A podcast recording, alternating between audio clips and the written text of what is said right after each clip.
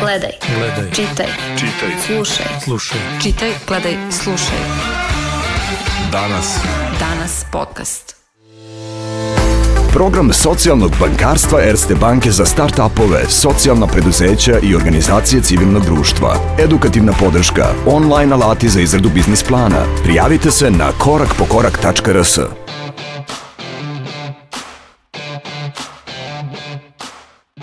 Slušate novu epizodu podcasta Danasa o seriji Porodica koja se ove nedelje emituje na RTS-u u pet epizoda povodom 20 godina od hapšenja Slobodana Miloševića u Vili Mir. Um, meni je žao što ovu epizodu snimamo u petak ujutru, što nismo mogli da odložimo snimanje dok ne pogledamo sve epizode ali pokušat ćemo ovaj, dosadašnje utiske da sumiramo. Sa mnom su Ivana Matijević, urednica kulturne rubrike u Danasu i kolega Vladimir Živanović, novinar e, lista Danas. Hvala vam što ste došli.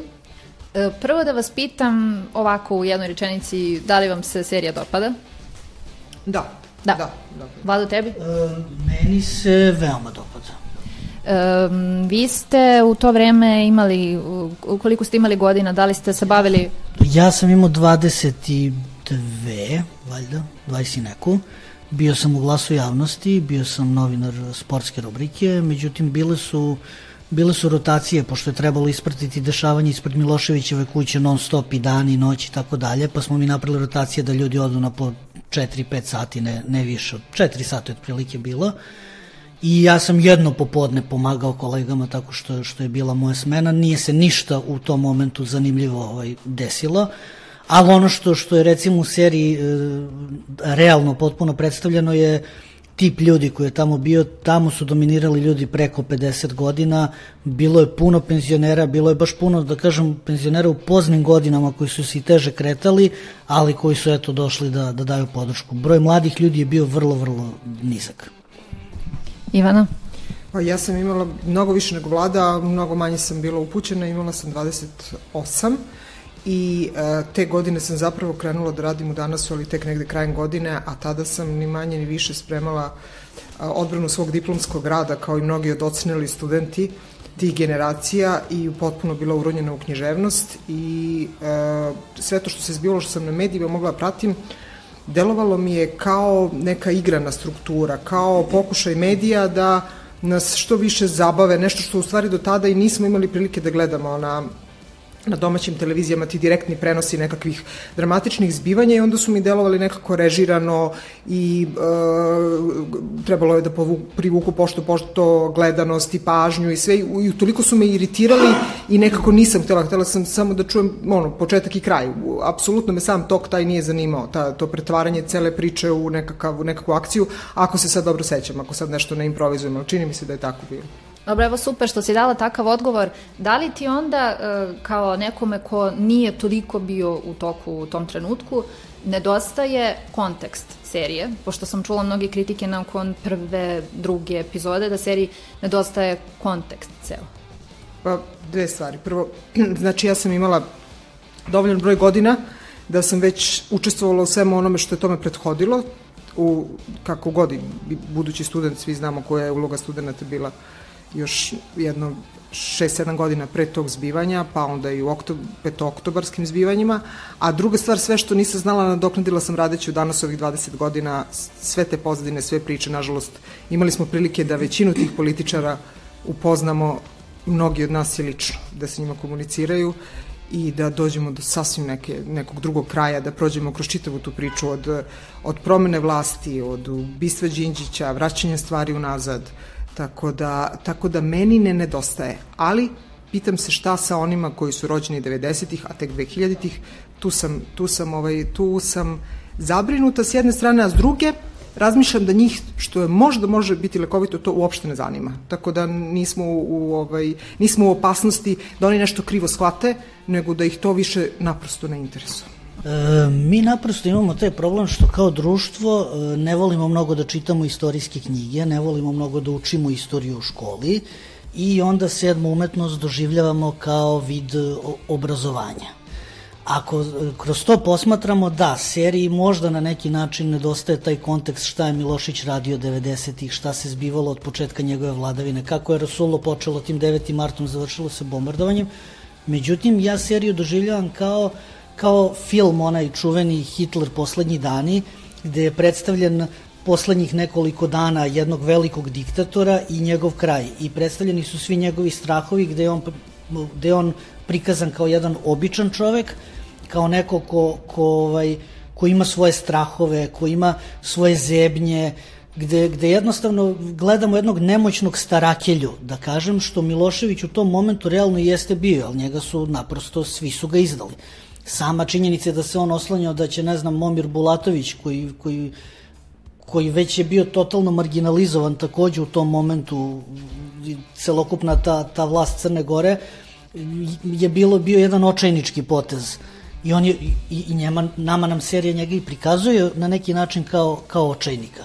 E sad, na primer, evo u četvrtoj epizodi koje, koje su četvrtak emitovala, mi smo videli to, to pismo obraćanjivanja Ivana Stambolića, gde je kroz niz slika prikazani prazni rafovi 90-ih, kako su se ljudi otimali za hleb i tako dalje, gde je ipak zahvaćen delimično taj neki kontekst da se ipak prikaže da Milošević nije bio samo jedan nemoćni penzioner, već da je bio ipak neko ko je bio vrlo moćan i samim tim vrlo uticajan na neke mnogo loše stvari koje su se dešavale 90. Da, zato sam i rekla da mi je žao što nismo sačekali i petu epizodu, jer verujem da bi ona nekako zaokružila celu ovu priču. Samo da dodam kratko, po, pošto porodica nije jedina stvar. Mi, inače, kad god se pojavi neki film sa istorijskom tematikom kod nas, tu odmah kreću razglabanja da li je to bilo ovako ili onako, da li je to režisar, scenarista prikazao na pogrešan način. Međutim, film je umetnost. Čak su i, i autori serije zato i naglasili na početku da to treba posmatrati u, u stilu onoga što je javno poznato bilo u tim činjenicama, dok je ostale stvari scenarista izmaštao šta je moglo da se zapravo dešava u, u glavama tih ljudi i kakvi su dijalozi mogli da se vode. Da, ta scena sa pismom Ivana Stambolića Slobodanu Miloševiću iz 9. E, marta 91. Mislim, meni je to bila definitivno najjača scena u ovoj seriji i evo ja sam sad videla u današnjem uh, danasu uh, Uroš Stambolić, unok Ivana Stambolića je rekao da u ovoj seriji u fokus se stavlja ludilo članova porodice, dok u fokusu uopšte nisu njihovi zločini i još je dodao da se može steći pogrešno uverenje da je Slobodan Milošević komunista, što, što nije slučaj. E, to je potpuno tačno što je on rekao, ali ja ne mislim da je to loše sa, sa aspekta serije on je potpuno u pravu sa, sa, sa time kako, kako je predstavljan i kako je predstavljeno ludilo porodice, ali ja mislim da cilj serije jeste bio da se predstavi to ludilo porodice u tih poslednjih nekoliko dana. Znači, pričamo samo o ta poslednja tri dana koliko već obuhvata, obuhvata serija. Što se ovog ostalog tiče, ja i razumem, on sigurno emotivno doživljava sve to s obzirom šta mu se dogodilo sa njegovim dedom, jer to je bilo jedno stravično, užasno ubistvo koje nas između oslog i podsjeća šta je sve Milošević bio spreman i šta je radio tih 90-ih. Ivan, na tebe bi pitala, e, da li je tebi dovoljno e, u dovoljnoj meri prikazano ko je bio Slobodan Milošević, e, šta je ostavio iza sebe i da li je to što možda su ljudi imali veća očekivanja da, da će možda na neki eksplicitniji način to biti prikazano, um, mislim, da li su u pravu, da li uh, je jedini način da se to prikaže u filmu ili seriji, dakle umetničkom delu, da to bude toliko eksplicitno ili to možemo videti kroz neke uh, usputne dijaloge, kroz neke scene koje mogu da se protumače na drugi način, koji će malo više angažovati gledalca. Ja bih, eh, da se, da se vratim ono što je vlada pričao o, o nama i sklonosti ka istoriji. Ja se s njim ne slažem tu, mi smo narod koji je onako prenatrpan istorijom i toliko, mislim, najobičnijeg čoveka na pijaci zanima svaka moguća stvar i a, to ide dotle da mi pošto poto učitavamo u, u, u sve stvari, sve ono što je nama neophodno, što nam nedostaje možda sad u obrazovanju, da, možda se ne obrazujemo istorijski na pravi način, na tome će bolje nekom prilikom i vrlo često danas ugovore istoričari, ali e, nije to, nije to svrha filma, to je kao da pitamo, odnosno ove serije, u, u, u, bilo kog umetničkog dela. Čovek je odabrao da se bavi onim što je vlada dobro primetio a, a, poslednjim danima jedne porodice, što vrlo liči na, i što je dramaturški dobra stvar na film Hitler poslednji dani. I tu su zapravo ponajbolji delovi oni a, koji prikazuju one, oni koji su igrani, oni ko, za koje nemamo a, tačno utemeljenje, utelje, utemeljenje u dokumentu. Znači tu je odlična uloga ona devojke koja je ušla da bude uh, kućna pomoćnica, tu je odlična uloga bake koja gubi unuka, tu je odlična uloga uh, ovih te, ljudi sa televizije. E, sad, zanimljivo je da tu apropo te izjave Uroša Stambolića, Sirija se zove porodica, a setite se na koliko mesta kaže i taj urednik televizije, ta mračna figura, kaže mi smo ovde jedna velika porodica.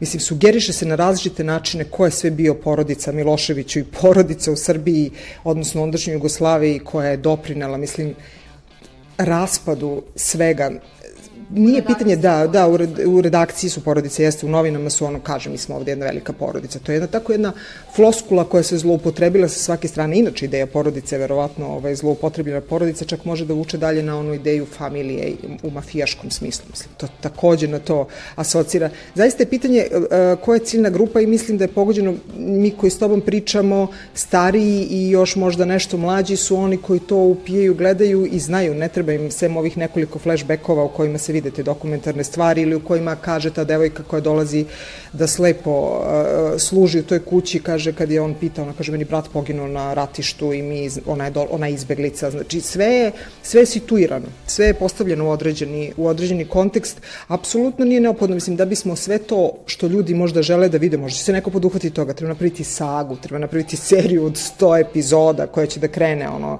sa raspadom Jugoslavije i da se možda završi sa 5. oktobrom, jer ajde da računamo da od 5 oktobra krenula neka nova priča, ili sa hapšenjem Miloševića ili sa njegovom smrću, mislim, ne, ne znaš gde dalje da stigneš, što se mi stalno vraćamo napred do nazad. Nema to, ovaj, ne, besmisleno je o tome razgovarati šta bismo mi volili da vidimo. Vidimo ono što je hteo da nam umetnik kaže.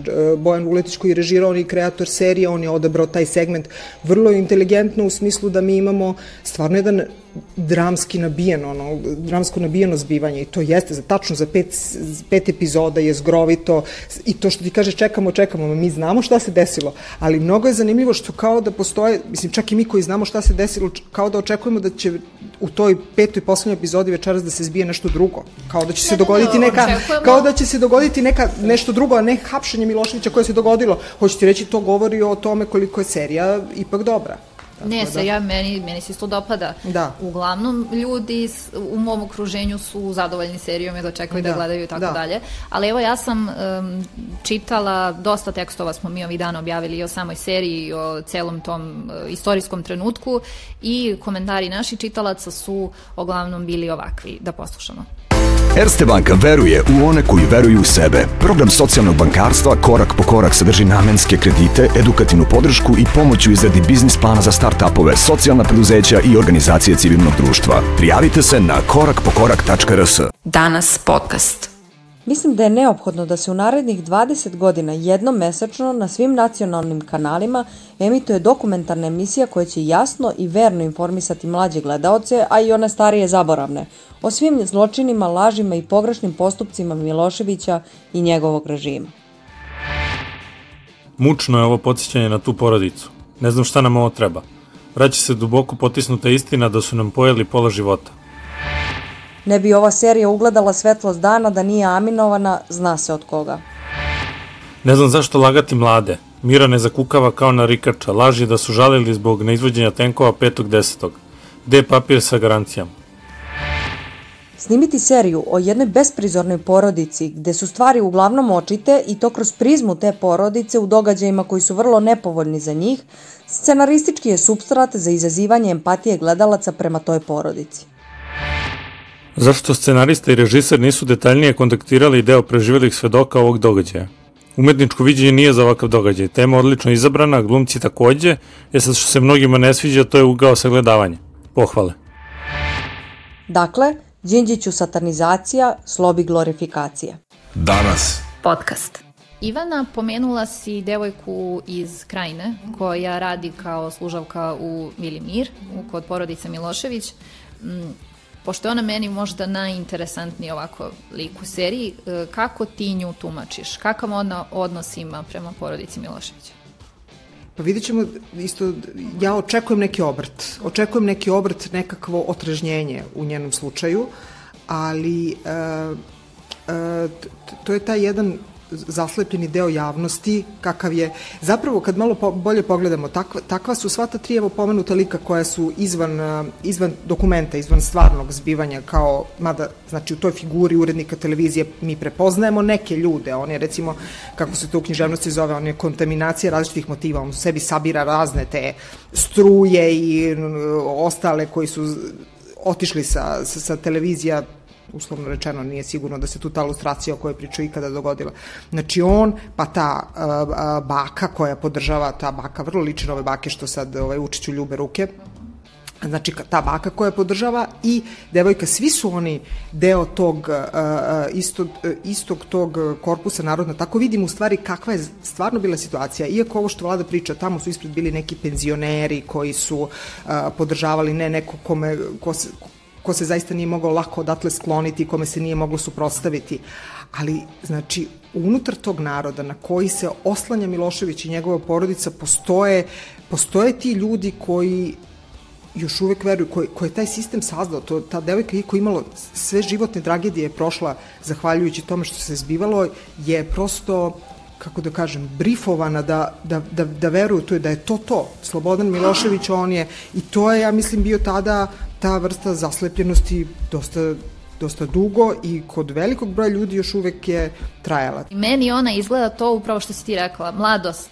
E, meni izgleda kao da ona nosi ne, neku potpuno drugu, ne drugu energiju, mislim, e, potpuno neki drugi odnos prema i celom tom periodu i prema Miloševiću. Meni recimo njen otac koji, iako je izbeglica, iako je proživao pakao tih godina, nju opet dovozi E, da radi u vili e, Slobodana Miloševića, a ona mi ipak, meni je dosta jaka scena bila kad je ona njega zatekla da sedi pored bazena i kad je on ju pitao odakle si, ona rekla iz Knina i kad je on tu počeo da priča kako je on njih uh, spasio, kako ih je naselio ovde i uh, u tom trenutku kadar je na njoj uh, ona onako ima, meni se činilo, ima dosta prezriv pogled. Meni se uopšte nije učinilo kao da je ona neko ko njega obožava, naprotiv. Meni se čini da ona i takako um, to, generacija koja ne prihvata takvu racionalizaciju, takvo, takva opravdavanja, takvu propagandu ili prosto kao zna devojka šta je proživela, neće da joj neko drugi govori da je učinio nešto dobro za nju. Mi tu imamo u suštini jednu, jednu dobro predstavljanje, da kažemo, te grupacije Srba iz Krajine, ne samo iz Krajine, već i delimično iz Bosne, nad kojima je Slobodan Milošević realno gledano napravio najveću izdaju. To što je urađeno tim ljudima iz Krajine je nešto najstrašnije.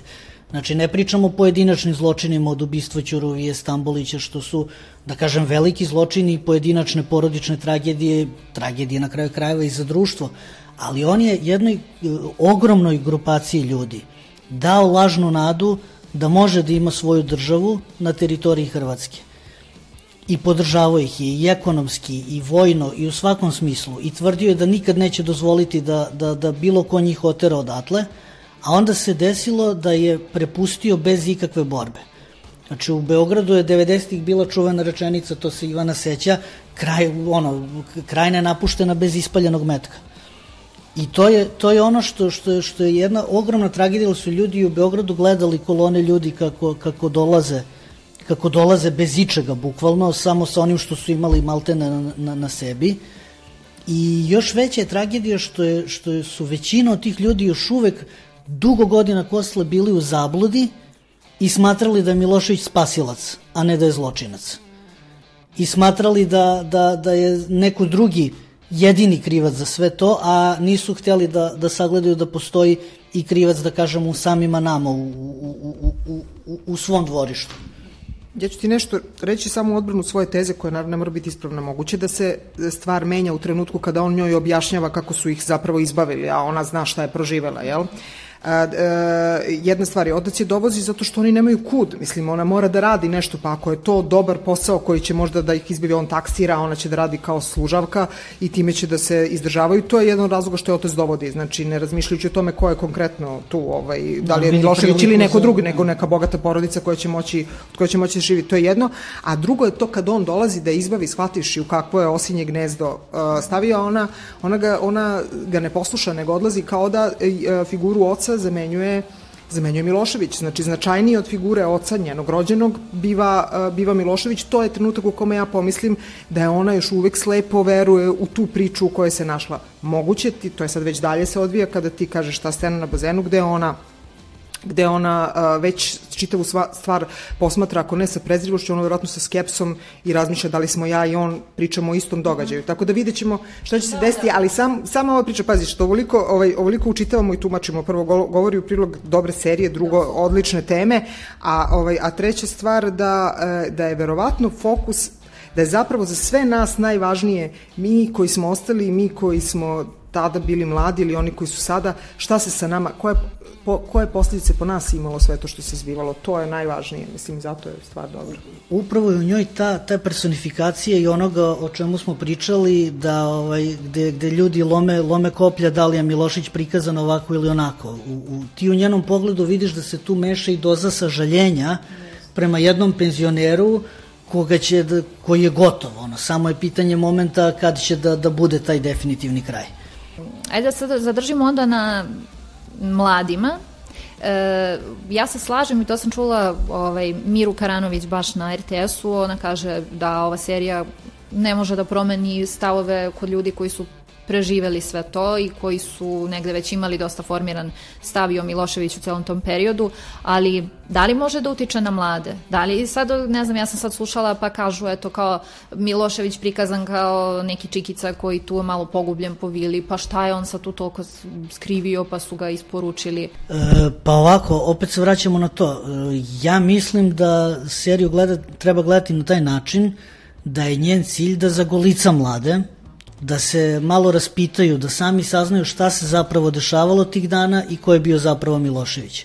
Jer je serija, kao što Ivana rekla, odli, odličan, ima e, dramski zaplet, je velika napetost i sigurno će biti interesantno da je gleda i nekome ko, ko nema pojma, ko nije živeo u, u vreme Miloševića, ali da je dobra podloga za svakoga ko sad recimo ima 15, 16 ili, ili možda čak i 20 i više godina, a nije mnogo upoznat sa tim stvarima, da pita svoje roditelje, da čuje njihovo tumačenje, ali da proba i da pronađe drugu stranu priče i neke drugi ljude sa drugačijim stavovima, pa da proba da uporedi, da vidi šta je tu realnost. Jel, u vreme Miloševića mnogo stvari ima koje su, koje su bile kontradiktorne i koje su što pogrešno prikazivane, a, a, a često i pogrešno tumačene. Jel, dok je on za jedne spasilac i mesija, za druge samo e, izazivač rata, tragedije i smrti. Istina je verovatno negde na sredini, da je on bio zločinac, tu, tu nema spora, ali da ni svet nije bio potpuno pravedan u, u, u tim danima prema, prema stanovnicima, državljanima Jugoslavije i to je istina. Sad treba naći pravu, pravu meru i, i videti šta je, šta je zapravo tu bilo. Pa ja sam ti rekla već na samom početku dve stvari. Prvo mislim da mislim da, da, da veći deo mladih nije zainteresovan i nadam se da je to u nekom smislu lekovito da, da ih to ne zanima, da ih zanima nešto drugo u životu i da, da, da smo to u tom smislu ostavili za sebe. Da to se tiče još moje generacije, nekih eventualno mlađih ljudi, da ovih najmlađih se ne tiče.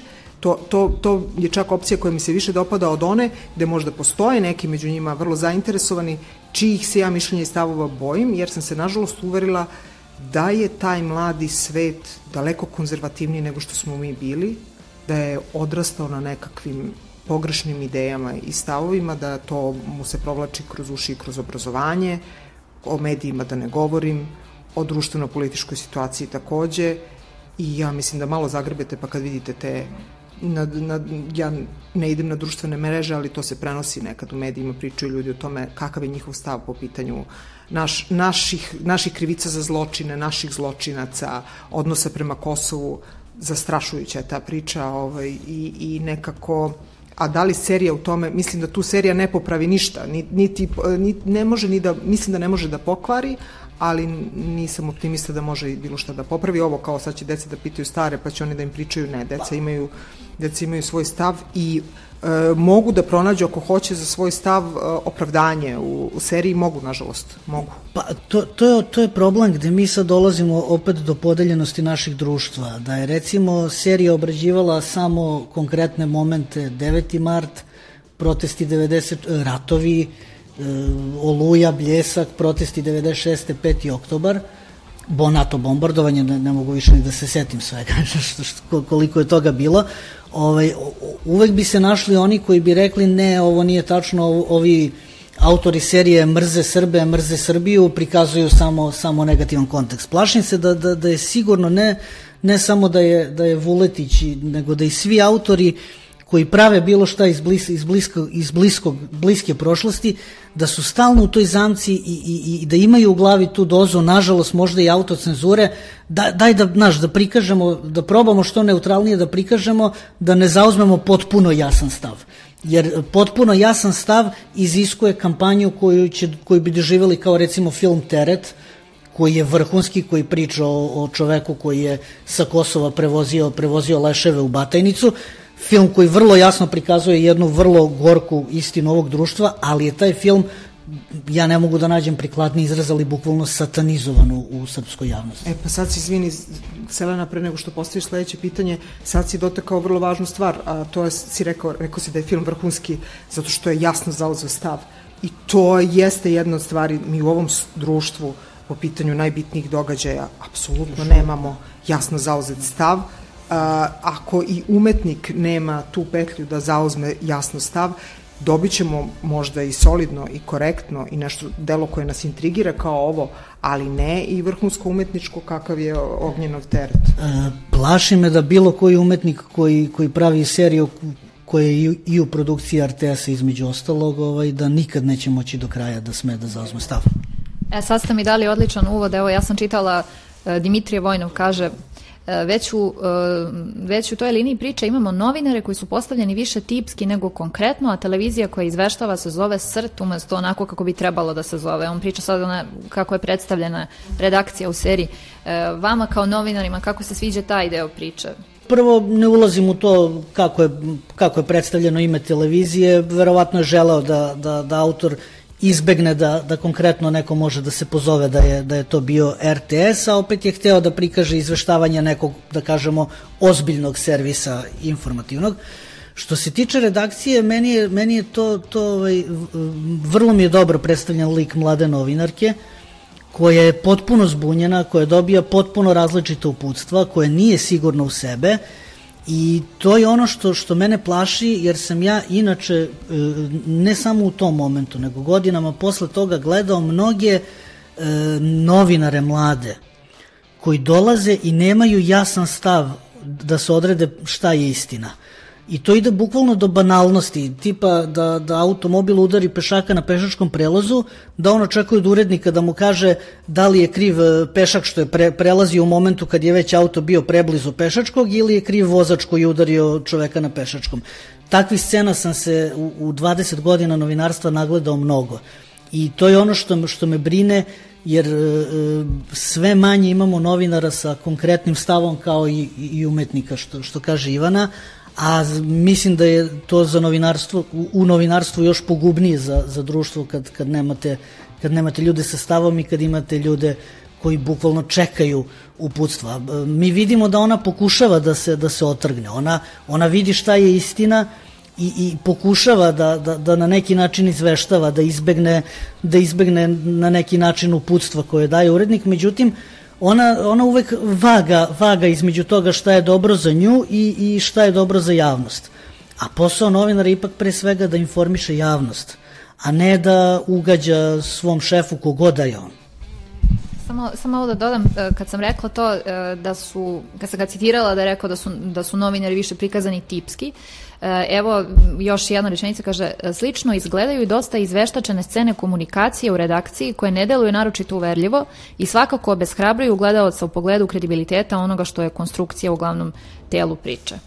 Meni iskreno um, taj deo serije koji se dešava u redakciji među novinarima, urednik Kostić, njegova zamenica i tako je, meni je to najdosadniji seri, deo serije bila, bio. Iako kao radim u mediju, trebalo bi to ono da me kao najviše zanima. Ja sam bukvalno, kad sam, pošto sam naknadno gledala prvu epizodu, premotavala taj deo u redakciji, jer kao znam, znamo napred šta će, da, kako će izgledati taj dijalog.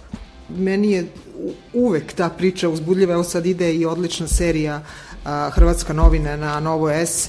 A, ja nekad te kolegijume, te, te razgovore vidim kao kolegijume ovde danas su, pritom govorimo iz pozicije jednog a, još uvek nezavisnog, posebnog dnevnog lista, zaista u drugačijoj poziciji od većine medija u Srbiji i govorimo o nekakvim mainstream, jednom tamo u tim novin, novinama, jednog gotovo tabloidnog uh, dnevnog lista koji opisuje jedne ogromne uh, nacionalne kuće sa nacionalnom frekvencijom znači velika je razlika, ali postoje ogromne sličnosti i moram ti priznam, meni što dalje u životu odmičem, a ja sam još i na poziciji urednice, sve mi je zanimljivije da to, kao da sada rasvetljavam sebi neke momente, aps, apsolutno onako počinjem da ih shvatam i meni je ovaj, ta ta figura tog demonskog glavnog urednika, tako tog, tog prevrtljivog, koji ni jednog trenutka ne kaže jasno da ili ne, nego jednog trenutka vozi priču kad shvati da se situacija okreće. On samo počinje da izgovara drugačije rečenice, ti ne vidiš, ti samo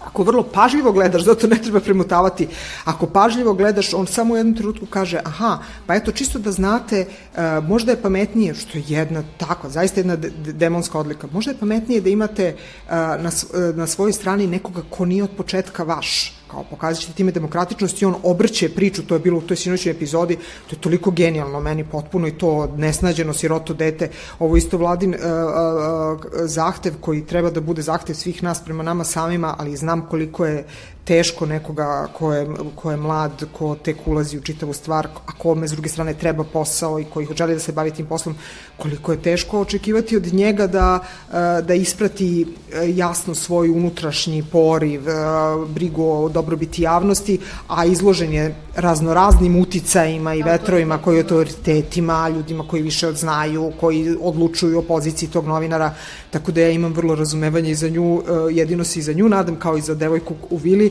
da će zapravo ta situacija nju, da sve ide ka tome gradi u novinara kakav treba da bude, mislim, tako da to je, to je, ovaj, to je moja to je moja uteha u tome, a inače mislim da je naprotiv za razliku od, od Vojnova, mislim da su to, samo one jesu, jesu tipske, to što kažem, ja prepoznajem i u tim novinama, one jesu tipske, ali nisu zbog toga ni pogrešne, ni slabije, mislim.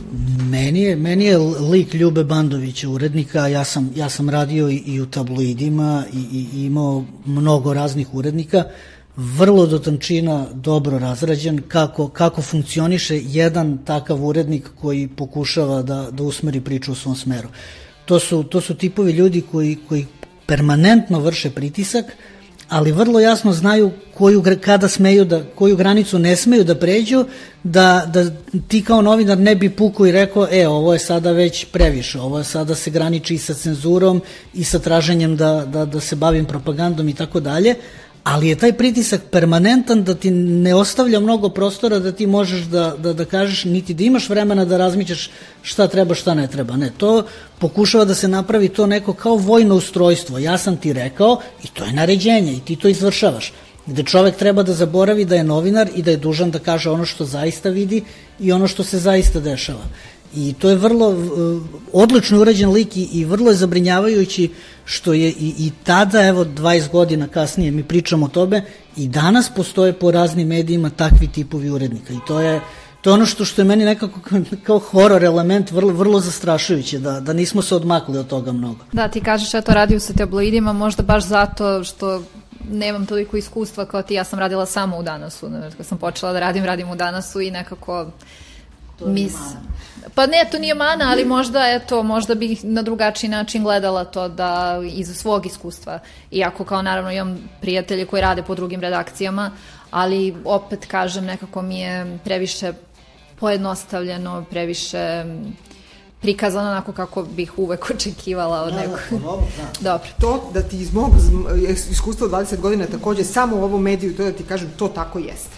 Znaš, to tako jeste. Dobro, hvala vam puno. Meni je bilo jako zanimljivo da, da pričamo o seriji i mnogo mi je drago što je ova nedelja bio moj red da snimam podcast. Gledaj. Gledaj. Čitaj. Čitaj. Slušaj. Slušaj. Čitaj, gledaj, slušaj. Danas. Danas podcast.